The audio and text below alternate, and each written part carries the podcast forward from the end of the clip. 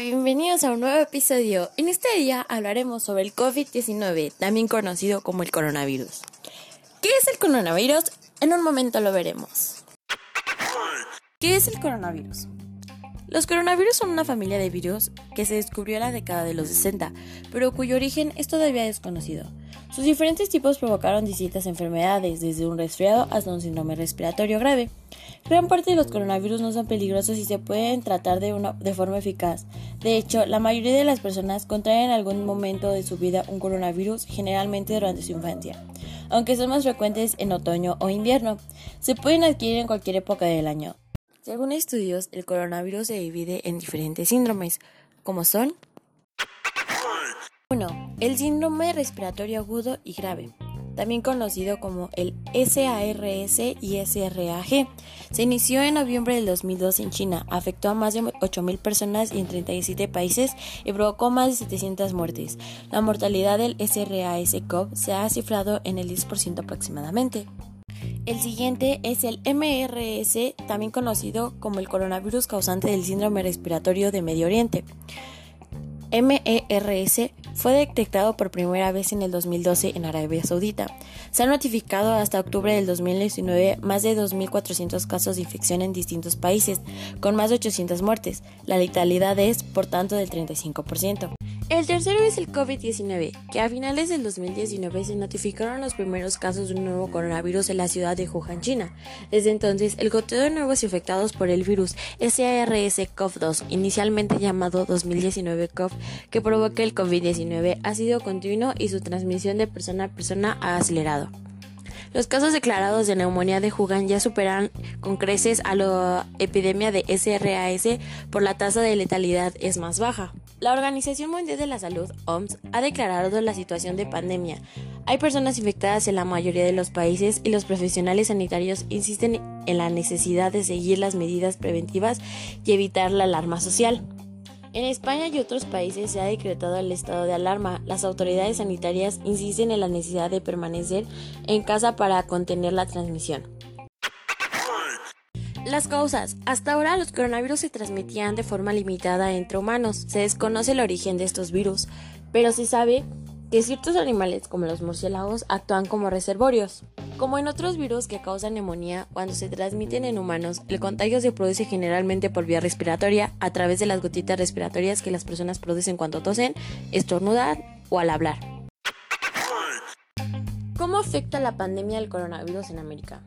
Como verán, en Estados Unidos ya supera los 65.000 contagios y apunta a los 1.000 fallecimientos. Mientras tanto, el presidente Donald Trump carga con la Unión Soviética para rechazar suministros médicos. La actitud de Trump se refleja en, al sur del continente en Brasil. El presidente del gigante sudamericano, Jair Bolsonaro, insiste que la población haga vida normal. Pese a las críticas de opositores e incluso de personas cercanas, Brasil cuenta ya con 2.433 infectados y 53 muertos. En México, el gobierno ha anunciado que a partir de este jueves suspenda todas las actividades no esenciales y recomienda no salir de la casa a la población. El crecimiento de este caso del COVID-19 en el país sigue siendo moderado. En la última actualización, las infecciones acceden a 405 casos a 475 casos. Asimismo, en Colombia, Argentina, Chile y Ecuador, la curva de crecimiento del coronavirus empieza a ser más pronunciada, con crecimientos algo más rápidos en estos últimos dos días. Mención especial para Ecuador, con 1.211 casos y 29 muertos. A nivel global, más de 470.000 personas se han contagiado del COVID-19 en todo el mundo. Se han registrado más de 21.000 muertes y la recuperación de más de 114.000 pacientes.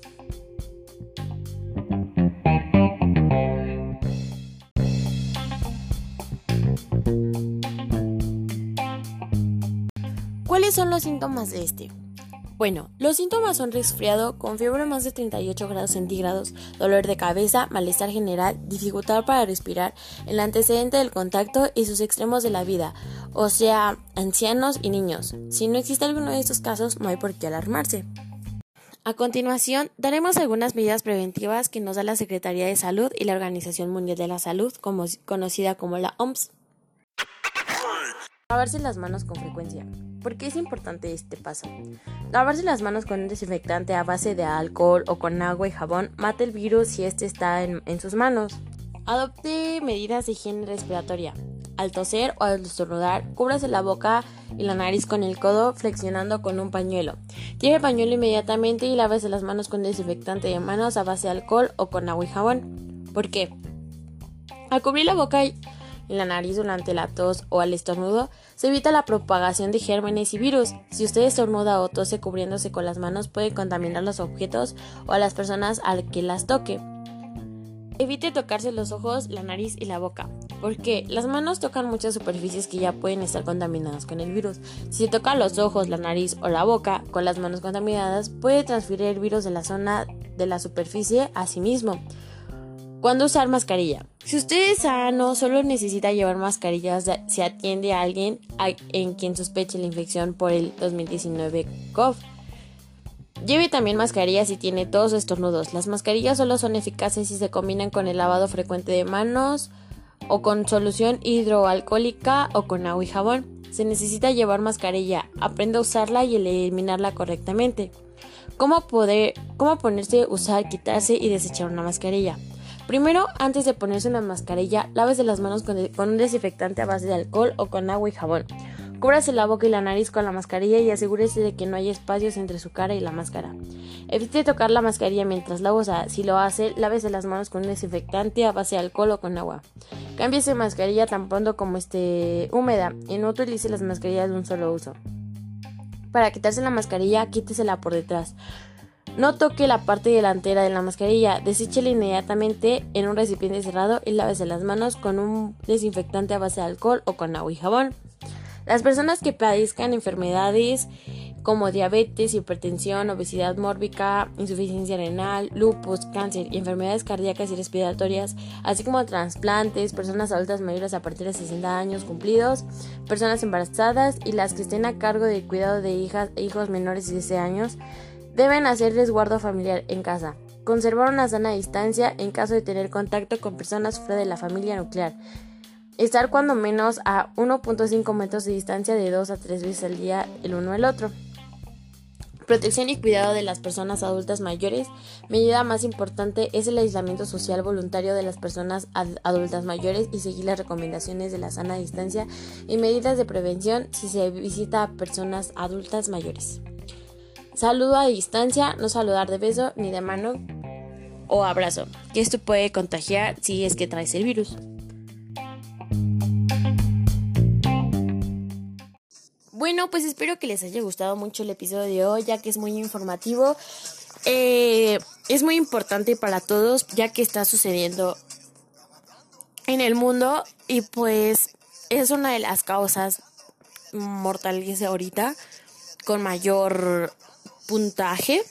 Y pues espero que se cuiden y nos vemos en el próximo episodio.